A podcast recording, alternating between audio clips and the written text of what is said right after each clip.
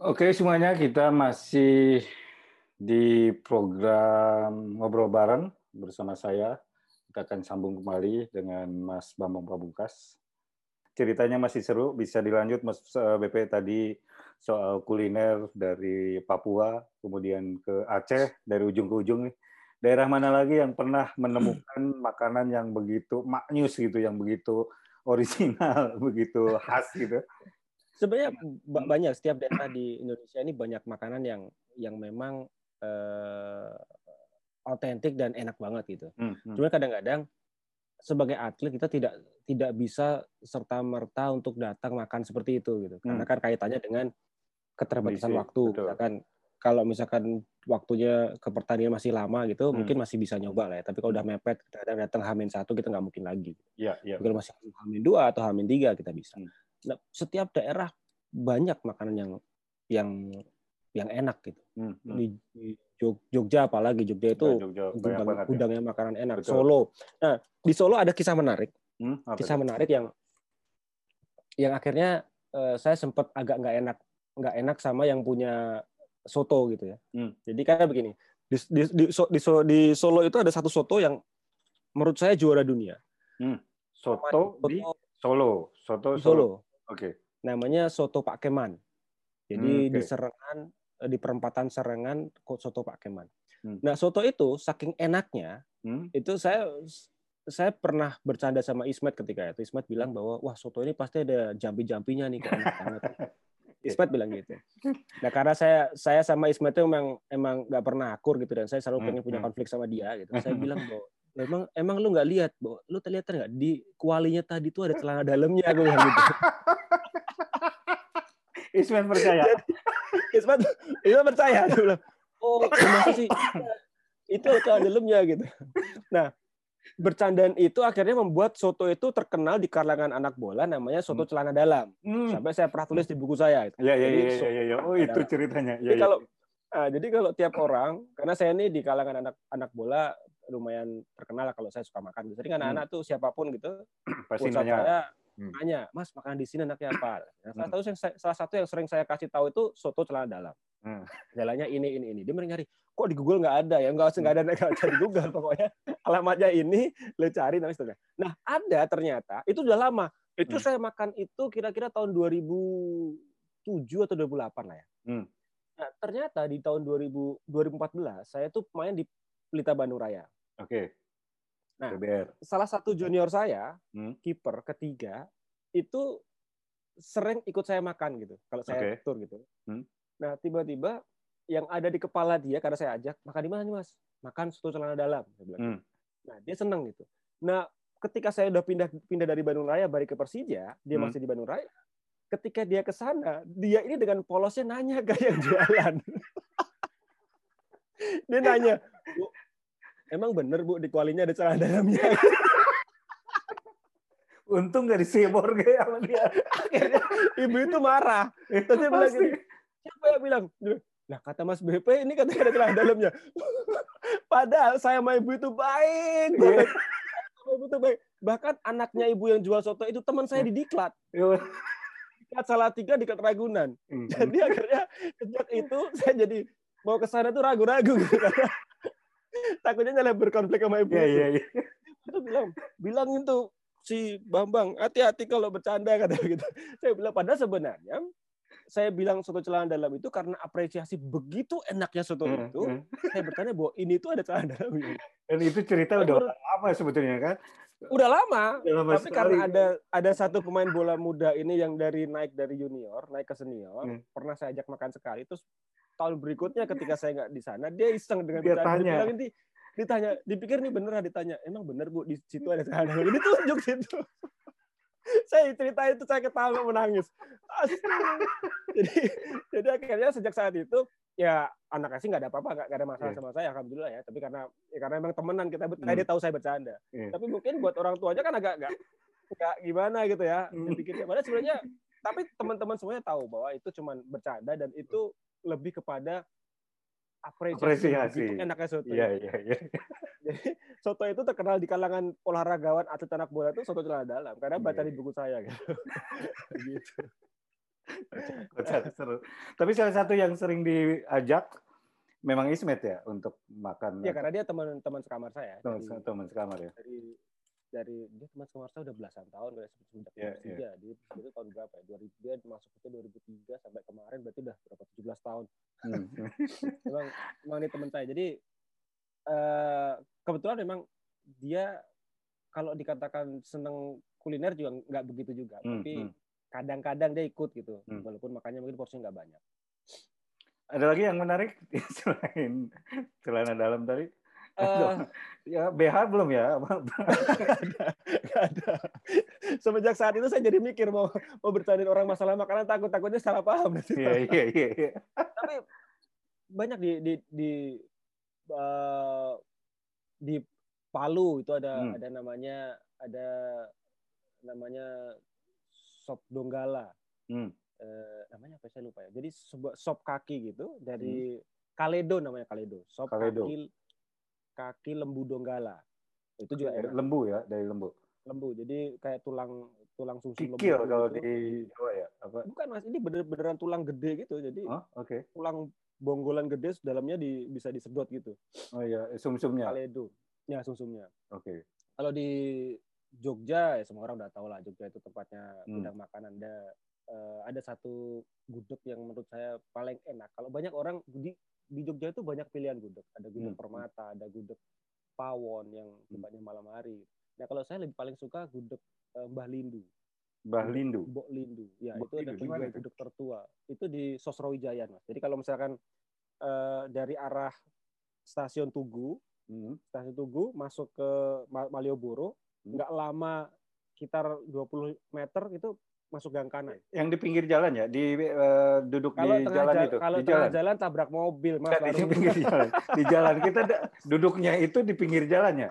Apa ya, di ya, benar-benar ya. uh, duduk? Di emperan, depan di hotel. emperan, emperan. Ada kayak hostel gitu kan? Ya, hostel, betul. Terus betul, eh, betul. Di, di pojokan lah.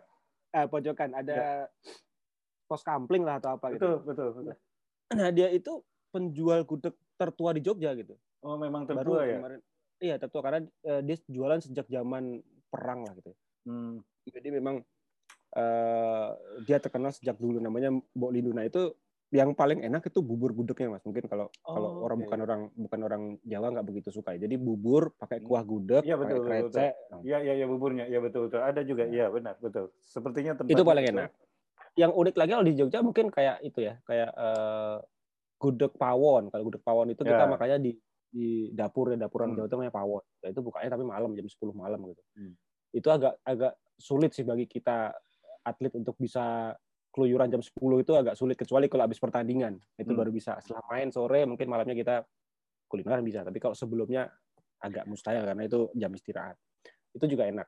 Tapi menurut saya nomor satu waktu uh, yang nomor satu yang tadi ya. Kalau waktu hmm. Eh, kita pernah makan di Jogja itu apa itu makanan yang seperti uh, tengkleng atau apa yang dipotong-potong daging itu banyak satu porsinya gede banget? Eh, ini di ada dua tempat. Jadi di, itu awalnya di Solo. Namanya uh, Rica Rica Pak Manto. Iya betul Rica, Pak, Pak Manto ya. Nah Pak Manto itu awalnya di Solo. Nah di Jogja okay. memang ada.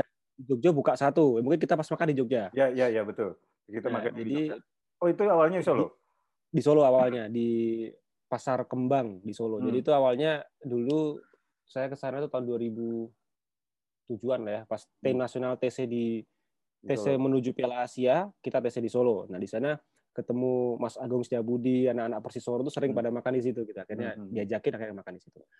Nah itu di depan itu di, di sekitar Pasar Kembang tengkleng rica-rica Pak Manto. Nah itu uh, spesialnya sumsumnya. Jadi dia pakai sumsum. Hmm. Ya, sumsum ya, tulang ya. itu. Hmm.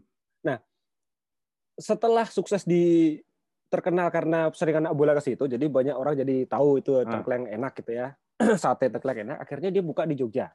Oke. Okay. Nah, sekarang menariknya di Bintaro udah ada, Mas. Oh, di mana? Siapa dulu? Di veteran di Jalan Veteran. Oh, di Veteran. Oke. Okay. Jadi namanya kalau Pamanto juga. Kalau, eh, namanya apa? Pamanto juga. Pamanto, Pamanto. juga. Oke. Okay. Jadi kalau dari dari kesehatan, kesehatan hmm. kan lampu merah. Hah, Kalau ke, kiri. ke ke kanan jalan kesehatan itu, Betul. ini ke kiri. Ini ke kiri. Oke, okay. uh, ke kiri, jauh dari situ. 50 meter sebelah kanan. Okay. Itu sekitar setahun setahun belakangan kali ya. Itu di situ dan itu ramai juga, Mas. Ramai juga. Udah dicoba juga yang di situ? Udah. Udah. Udah coba. Itu Sama enak. enaknya. sama, Sama. persis. Oke. Dan kemarin eh, belum lama kemarin Pak Mantonya sih meninggal. Mungkin Oh, gitu? sekitar iya tahun kemarin kalau nggak salah. Tahun ini apa tahun kemarin ya? Pak Mantonya meninggal. Kalau waktu Jadi di Solo masih kan- ketemu ya sama Pak Mantonya. Masih masih waktu saya bikin vlog di sana masih.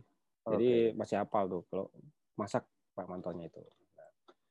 Ya gitu lah. Di kalau di Medan yang ter- yang enak ada satu eh, kalau di Medan kerang.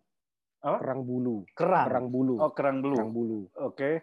Itu Itu, dimasak di juga? gang itu direbus, kerang rebus biasa. Direbus dan saya biasa pernah aja? ketemu eh, saya pernah ketemu superstar di situ dan saya kaget gitu. Superstar. saya pernah ketemu eh, Mas Icuk Sugiharto di situ di tempat Ya. yang sama. Jadi ter- ternyata tempat kerang ini memang terkenal sejak dulu gitu. Hmm, Oke, oke. namanya kerang saya nama kerangnya apa saya lupa tapi di Jalan Kapuas dekat rel kereta api. Hmm, hmm. Jadi karena sering saya ya sekarang eh, jarang jarang makan kerang di sana karena PSMS-nya eh, naik turun naik turun ya. Kalau dulu kan PSMS di atas terus. Jadi setiap Hmm. tahun kita ke sana. Nah, pernah suatu ketika saya makan di sana saya sama anak-anak bola ketawa-ketawa saya lihat Hmm. pas lihat sebelah itu Mas Icuk Sugiharto gitu. akhirnya ngobrol, eh Mas, akhirnya ngobrol dia bilang, kok tahu sini juga? Ya ini baru ini sejak lama aku udah di sini main ini. Wah, Jadi ternyata emang itu kerang itu emang terkenal dulu. sejak lama. Oke. Ya, kerang di Gang Kapuas. Iya, iya, iya. Nah, hobi makan, hobi kuliner juga teraplikasikan menjadi hobi masak, ya kan? Ya, Dan Karena- bahkan setelah biasanya kalau eh, ngerasain gitu pengen pengen nyobain bikin gitu. Walaupun Oke. ya mungkin nggak nggak nggak sama lah ya, tapi kadang-kadang nyobain gitu. Tapi kalau masakan Indonesia emang lebih kepada Dewi sih yang yang, oh yang- Dewi ya, karena bumbu-bumbunya itu. ya. Oke, eh, beralih ke hobi nulis. Semua orang udah tahu lah nulis. Eh, Mas Bebe Ya, tulisannya oke, bahkan sudah jadi buku. Kemudian yang saya ingin tahu tuh eh, awalnya, ya awalnya eh, ya sebetulnya udah agak tahu juga. Tapi mungkin apa penonton di channel saya perlu lagi dikonfirmasi ulang lah. Kenapa bisa menulis? Kenapa terjun sebagai penulis? Dan yang paling penting adalah ketika menulis itu apa sih dorongannya yang ada di hati kepala Mas BP itu? Eh, kalau awalnya mungkin karena sekali lagi keterpaksaan. Ya. Karena dulu saya memiliki ada trauma lah ya, trauma yang sebenarnya bukan terjadi atas kepada diri saya sebenarnya, kepada senior saya. Yang ketika itu eh, saya merasa bahwa eh, maaf dalam tanda kutip banyak eh, pewarta media kita ini tidak fair gitu. Hmm. Artinya ketika seorang eh, pesepak bola yang ketika itu menjadi andalan katakanlah Hmm. menjadi aset makanya Puja. maka pemberitaannya dipuja luar Betul. biasa. Tapi ketika tiba-tiba orang tersebut memiliki masalah, terus tiba-tiba ya dijatuhkan sedemikian rupa sehingga eh, benar-benar drop. Ya untung saja senior saya itu katakanlah memang mentalnya luar biasa sehingga tetap bisa main bola, tetap survive, ya katakanlah masih bisa menjadi salah satu yang terbaik lah. Nah, saya melihat di situ tidak fair gitu ketika eh, padahal waktu itu saya menilai- melihatnya orang tersebut masih sebagai aset yang seharusnya dilindungi. Dalam Ya. tanda kutip saya tidak mengatakan bahwa tidak boleh diberitakan negatif, enggak, tapi secara proporsional gitu ya. Karena dulu juga ketika dia eh, katakanlah menjadi seorang bintang, kita juga dalam tanda kutip eh, mendapatkan sesuatu dari dia gitu. Ya. Nah, dari situlah akhirnya saya merasa untuk tidak untuk menjaga jarak dengan wartawan sebenarnya atau anti tidak, tapi untuk eh, mem- membuat sebuah komunikasi baru gitu. Hmm. yang pada akhirnya nyaman bagi kedua belah pihak. Hmm. Karena kadang-kadang seperti yang kita kita semua pahami lah, kadang-kadang kecepatan tangan untuk mengikuti kalimat itu kan tidak tidak Tidak serta merta untuk mengikuti Betul. semuanya gitu. Betul. Sehingga akhirnya saya memilih untuk menulis. Oke. Nah di situlah akhirnya saya belajar untuk menulis, belajar untuk menyampaikan eh, semua hal yang berkaitan dengan pemahaman saya, pola pikir saya, eh, terus eh, kontroversi yang terjadi di sekitar saya berkaitan dengan sepak bola, berkaitan dengan keputusan-keputusan yang saya ambil dan sebagainya.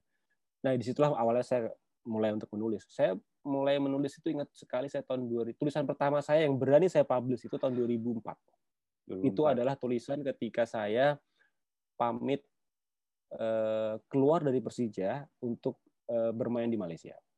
Oke. Itu tulisan pertama saya yang saya publish.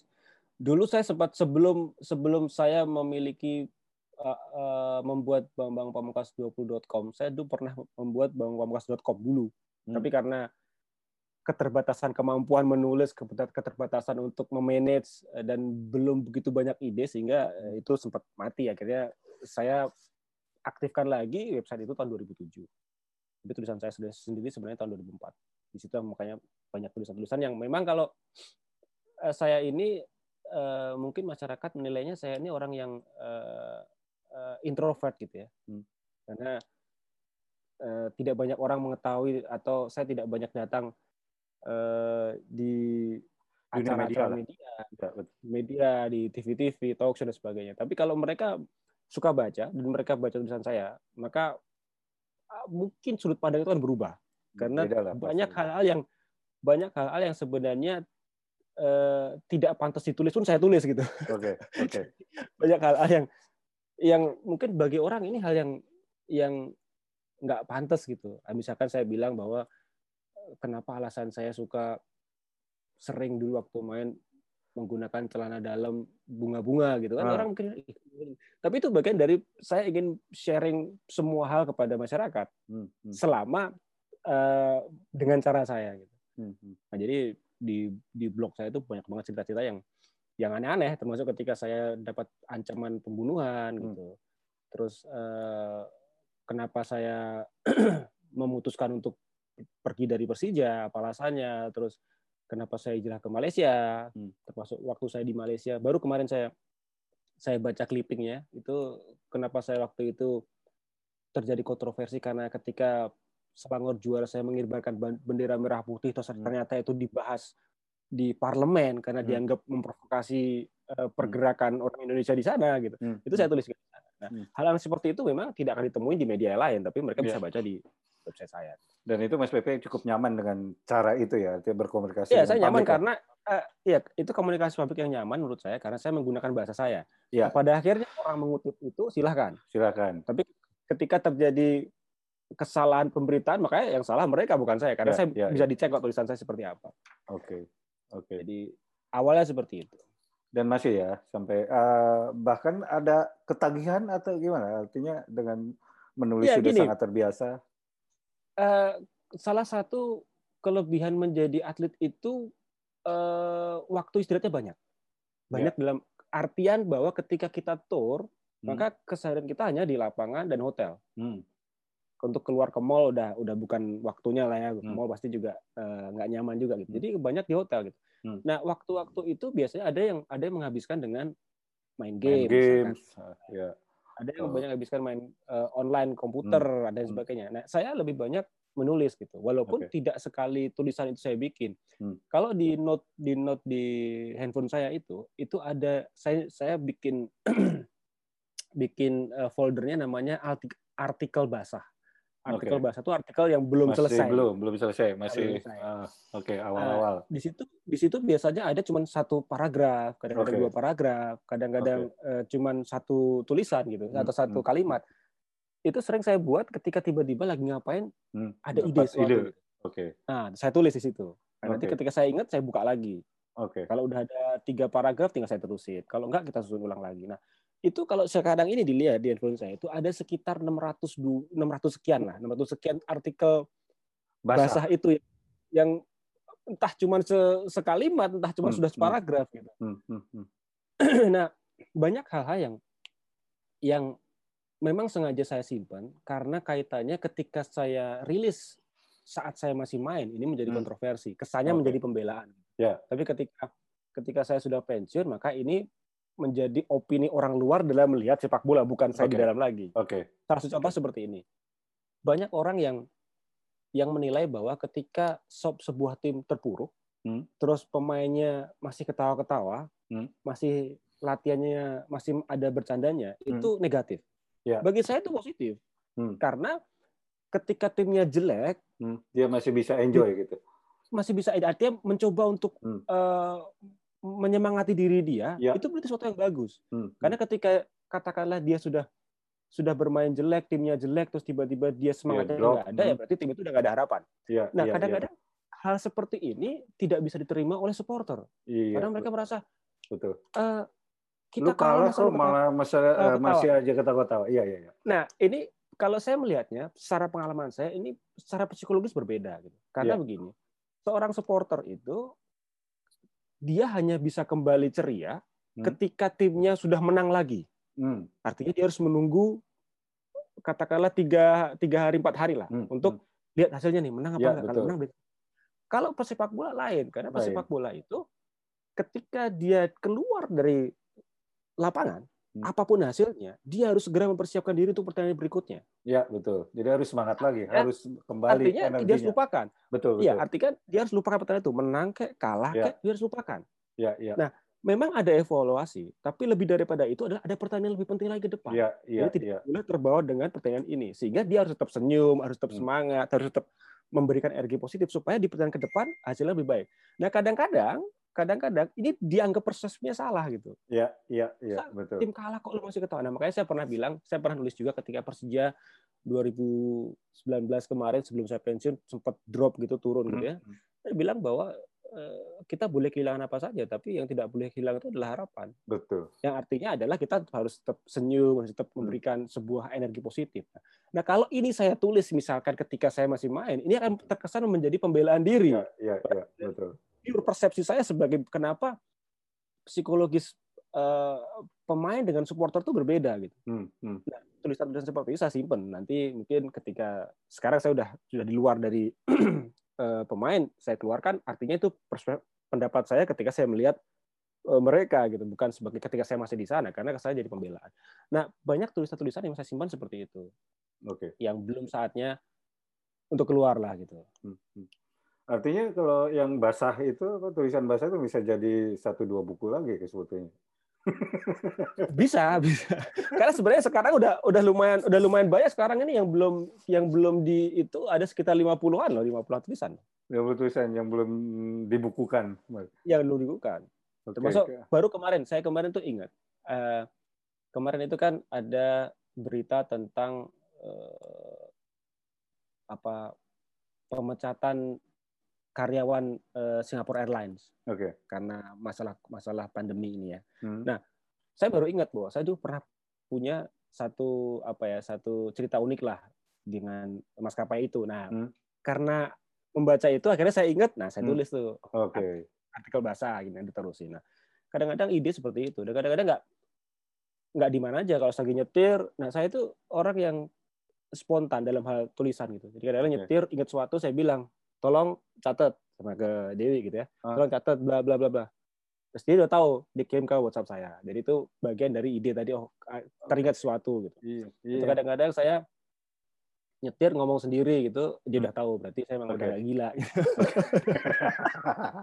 Waktunya itu. Tapi yang menarik, menarik banget ini karena bagi penulis, ya, penulis ya, terutama yang pengen Hmm. nulis atau siapa pun, meng, apa ya, menulis atau menyimpan atau mendokumentasikan itu artinya sangat penting banget dan itu dilakukan oleh Mas Pepe gitu. Kadang-kadang kan kita penulis itu ah pengen nulis tapi eh, entar-entar deh gitu. Ada ide tapi masih di kepala terus gitu. Nah, kalau Mas Pepe ada ide langsung diaplikasikan walaupun dengan satu kalimat, satu alinea segala macam disimpan gitu.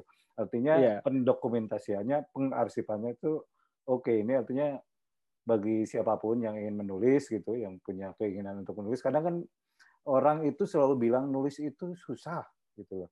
Nulis itu ya sering sekali saya mendengar ya, mendengar eh, orang kalau nanya ke saya itu gimana sih caranya nulis? Nulis itu susah. Nah, ini salah satu tips yang bisa diambil dari Mas Pepe adalah ketika ada ide langsung ditulis dulu, langsung disimpan, Iya, kan? diarsipkan. karena ya karena begini, karena saya takut itu lupa gitu. Iya Karena betul. begitu ada, saya langsung tulis gitu. Dan itu membantu saya ketika nanti tiba-tiba saya ingat ide lagi, saya cek dulu, saya pernah Hmm. nulis nggak ini masalah Hmm, ini. hmm, Nah, hmm. ketika saya search itu ada, oh ternyata ya pernah, tinggal Ya, nulisin. tinggal diterusin, tinggal Hmm, dikompil. tinggal diterusin mana mana yang yang nyaman. Jadi Hmm, hmm. dari banyak banyak artikel bahasa itu eh, kadang-kadang nggak kadang-kadang ada yang mengendap tahunan juga gitu. Hmm, Tergantung dari kapan punya eh, idenya untuk nerusin. Hmm. Karena kadang-kadang begini mas, mungkin Mas Yudi, saya kan banyak belajar nulis dari Mas Yudi, jadi saya oh, Enggak. kayak ngomong sama ngomong gurunya gitu. jadi gini, kalau saya gini, kalau pas tiba-tiba pengen nulis, udah depan laptop, Hmm. itu kadang-kadang satu huruf aja nggak keluar. Iya, mentok. Karena Kalau kalau lagi kita mentok, kalau mentok kita ya kan? mentok betul, ya. betul, stuck banget. Tapi kalau saya kalau saya punya seperti bilang artikel bahasa tadi, saya udah tahu materinya Ya. apa gitu. Ya, Jadi ya, idenya betul. apa, materinya apa, tinggal saya pilih aja. Oh, yang kira-kira bisa. Nah, itu mempermudah saya untuk Betul. menyusun itu. Karena kalau tiba-tiba saya punya ide pengen nulis masalah ketua PSSI gitu, belum ada apa-apa, kadang-kadang nggak keluar gitu. Ya, betul. Nggak- Betul. apa yang ketiga? Ya, Memulai itu- kadang-kadang paragraf pertama itu yang susah. Mau jadi Ya. apa sih ini nggak tahu. Mhm. Nah, Ya, itu itu itu, sebenarnya Salah satu caranya ya tipsnya ya memang saya begitu. disimpan Saya atau ada ide di langsung ditulis dijadikan artikel basah. Oke. ya Menarik, sangat menarik. Nah, Mas Wei juga suka baca banget kan saya lihat tuh ke ininya. ya Apa suka lebih suka buku apa sih yang dibaca? kalau saya lebih suka buku sejarah mas Buku sejarah. sejarah karena saya memang orang yang suka eh, biografi Hmm. sejarah gitu Hmm. Eh, karena bagi saya itu pembelajaran hidup gitu Oke. Eh, banyak buku-buku saya itu berkaitan dengan eh, sejarah sejarah Indonesia Hmm. sejarah pertengahan gitu masa-masa Hmm. pertengahan sampai eh, Romawi dan sebagainya karena dari sanalah saya bisa belajar bahwa oh dulu si A itu begini Hmm. si B itu begini gitu Hmm. walaupun memang kita kalau belajar sejarah itu perlu eh, referensi dari banyak buku gitu tidak Hmm. hanya cuma dari satu buku gitu Baik. Eh, it- saya lebih suka sejarah eh, kaitannya dengan saya tuh pengen pengen tahu sebenarnya sejarah itu sejarah Indonesia katakanlah Indonesia ya, sejarah Indonesia itu yang sebenarnya bagaimana sih gitu Hmm. karena kan banyak orang bilang bahwa semenjak Orde Baru itu sejarah kita di diputar balikan lah apa dan Hmm. sebagainya. Nah, menariknya setelah eh, Orde Baru tumbang 98 ke sini itu kan banyak orang yang dulunya nggak pernah ngomong jadi ngomong gitu. Ya, banyak bikin buku, banyak Hmm. bikin eh, memoir dan sebagainya. Nah, dari sana Hmm. kita bisa belajar bahwa oh ternyata dulu kejadian ini sebenarnya begini. Hmm. Walaupun kita juga harus Cek eh, lagi. compare dengan Hmm. dengan Dengan penulis yang lain. perspektif yang lain, betul. ya kita tahu gitu. Nah itu itu menarik bagi saya karena akhirnya saya tahu bahwa oh Indonesia itu dibangun karena ini, eh, ini terjadi karena apa dan sebagainya. Nah itu menurut saya menarik dan dari sana kita bisa belajar banyak hal. Saya memiliki semua buku atau biografi dari seluruh presiden Indonesia Oke. kecuali kecuali yang sekarang yang saya belum punya adalah Pak Jokowi saya belum punya. Karena saya belum belum akhir-akhir ini saya belum eh, belum ke toko buku lagi sama eh, Megawati saya belum. Yang lainnya saya Oke. punya. Oke. Soekarno. Yang paling ada? banyak Bung Karno. Bung Yang paling banyak Bung Karno. Oke. Bung Karno saya punya buku Bung Karno, termasuk saya pernah ikut menulis pengantar salah satunya buku Bung Karno. Oke. Karena saya termasuk Soekarnois lah katakan. Hmm, hmm, hmm, hmm. Banyak itu buku-buku Soekarno. Buku Soekarno kira-kira yang berkaitan dengan Bung Karno ada 25-an lah ya kira-kira. Oke. Dengan ya, artinya itu lumayan utuh lah ya memahami mengetahui Iya, Soekarno karena dari dari banyak buku gitu kan. iya dari dari banyak buku. Oke. Karena menurut saya unik ya, terlepas dari segala, segala kelebihan dan kekurangannya, Hmm. eh, sosok eh, Bung Karno ini memang eh, menurut saya luar biasa. Ya, lanjut ke hal lain, Mas Bepe, musik. Mas Bepe kan eh, ini ke- kayaknya bisa jadi penyanyi gitu, main gitar, nyanyi. Sebenarnya beberapa kali buat rekaman gitu di. Ya, itu kan itu sebenarnya gini, karena saya itu udah terlalu banyak follower saya, jadi salah Ah. satu untuk mengusir follower follower saya itu saya bikin nyanyi biar mereka, biar mereka terganggu sehingga unfollow saya gitu. Tapi artinya kan bisa main gitar, bisa nyanyi gitu. Yang pasti Ya kalau nyanyi mungkin gini lah, kalau eh, nyanyi mungkin seorang semua orang bisa nyanyi. ya. Menjadi penyanyi tidak semua orang bisa jadi penyanyi. Iya, iya. Kalau nyanyi kan bisa aja kita main.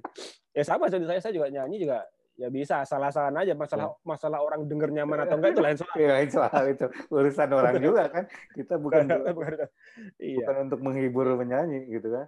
Ya menghibur diri sendiri sebenarnya. Menghibur diri sendiri. main gitar ya cuman bisa tiga empat kunci lah gitu. Iya. Paling main gampang. piano juga main piano juga ngasal ya gitu Iya. aja. Namanya juga nekat. Ara ya yang oh yang bisa main piano Ara ya, eh, Saura. ya? Arah bisa. Oh, Saura ngomong-ngomong baru ulang tahun ya kemarin. Udah Iya, main nggak kerasa terakhir ketemu kapan ya lama sekali. Udah 14 tahun sekarang ya. Iya. Saura terakhir kapan ketemu ya waktu di PS kalau nggak salah. Yang itu saya post kemarin fotonya. Itu Iya, terakhir iya, ketemu masih ngomongin Ya, sport kita- satu kayaknya kan waktu Ya itu. sekarang aja kita eh, pandemi aja udah berapa bulan? Udah hampir tujuh bulan hampir, delapan bulan. ya. nih. Iya. Terakhir Nggak- ketemu ya nggak sama sama Ara tuh ketemu kita di Plaza Senayan tuh eh di mana sekarang kalau masih sama Muli sama Muli ngobrolin spot satu yang masih tidur terus kan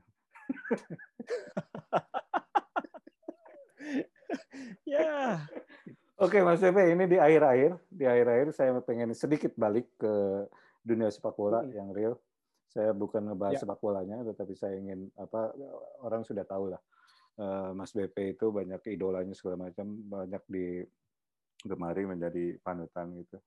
Dan saya ingin eh, mendapatkan quotes atau apa ucapan dari Mas BP khususnya untuk pemain-pemain muda apa yang ya pasti sudah banyak di buku-buku segala macam juga. Tapi satu hal yang pasti apa namanya karena saat ini kan banyak sekali pemain-pemain muda yang apa ya eh, dunianya berbeda lah di eranya Mas BP sama sekarang itu sejauh berbeda banget gitu. Jadi pesan-pesan atau ya tips lah. Atau ya petuah lah dari seorang BP yang memang sudah eh, pensiun Kalau gitu dari dunia Ini, kalau- timnas terutama sebenarnya eh, tanpa disadari sebenarnya itu saya termasuk pesepak bola yang eh, sering jadi tempat curhat, Hmm. eh, para pemain gitu ya. Kaitannya kalau dulu saya masih di API kaitannya dengan masalah gaji, Hmm. terus banyak pemain muda yang kaitannya masalah bagaimana berkarir gitu.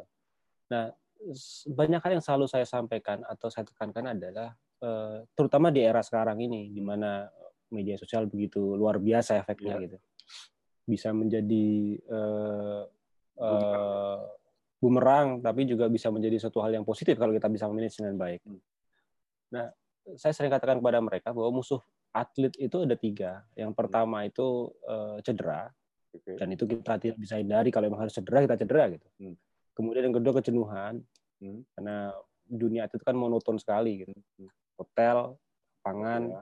Pesawat, bandara, rumah, hotel ya gitu. Nah itu juga kadang-kadang kita nggak bisa hindari. Ketika kita sudah mulai jenuh, ya kita harus mulai melakukan kegiatan di luar itu. Jangan nonton bola, jangan ngurusin bola gitu. Jangan kalau perlu nggak usah baca eh, grup chat pemain bola misalkan. Nah yang ketiga adalah popularitas. Nah ini yang menurut saya paling berbahaya. Ini saya sering popularitas oke popularitas. Ini, Hmm. ini ini yang sering saya sampaikan kepada teman-teman atau para pemain muda bahwa kadang-kadang eh, kita terbuai dengan itu, apalagi di era seperti sekarang ya. Hmm. Ya siapa sih yang nggak nggak suka ketika posting foto yang like ratusan ribu, Hmm. komennya eh, apa ya memuja-muja gitu. Hmm. Saya pikir eh, semua orang suka. Gitu. Nah kadang-kadang yang berubah itu bukan bukan pemainnya gitu. Hmm. Yang berubah itu reaksi orang terhadap dia gitu. Iya. Yang membuat dia berubah. Saya saya pernah mengilustrasikan seperti ini. Kalau seorang pesepak bola yang belum terkenal masuk ke mall, Hmm. nggak ada orang tahu, Hmm. ya dia akan menjadi diri sendiri biasa aja gitu. Iya betul Tapi ketika dia udah banyak orang kenal, ketika dia masuk mall, reaksi orang kepada dia berbeda. Hmm. Nah, reaksi itulah yang membuat akhirnya yang yang ini juga berbeda. Iya iya Nah, iya. apakah kita apakah kita bisa memanage dengan baik atau tidak? Itu yang permasalahan utamanya gitu. Nah, saya pernah atau saya sering sampaikan kemarin juga saya sempat ngomong di anak-anak timnas usia 16 bahwa eh, value kita atau value seorang pesepak bola di atas lapangan itu tidak tergantung dari berapa juta followernya di Instagram gitu. Tidak tergantung dari eh, teman artisnya berapa banyak sih Hmm, gitu hmm. atau tidak tergantung dari ceweknya model apa enggak Hmm. bukan itu gitu Hmm. tapi value kita di atas lapangan adalah eh, kinerja kita benar-benar di atas lapangan itu bagus atau tidak Iya.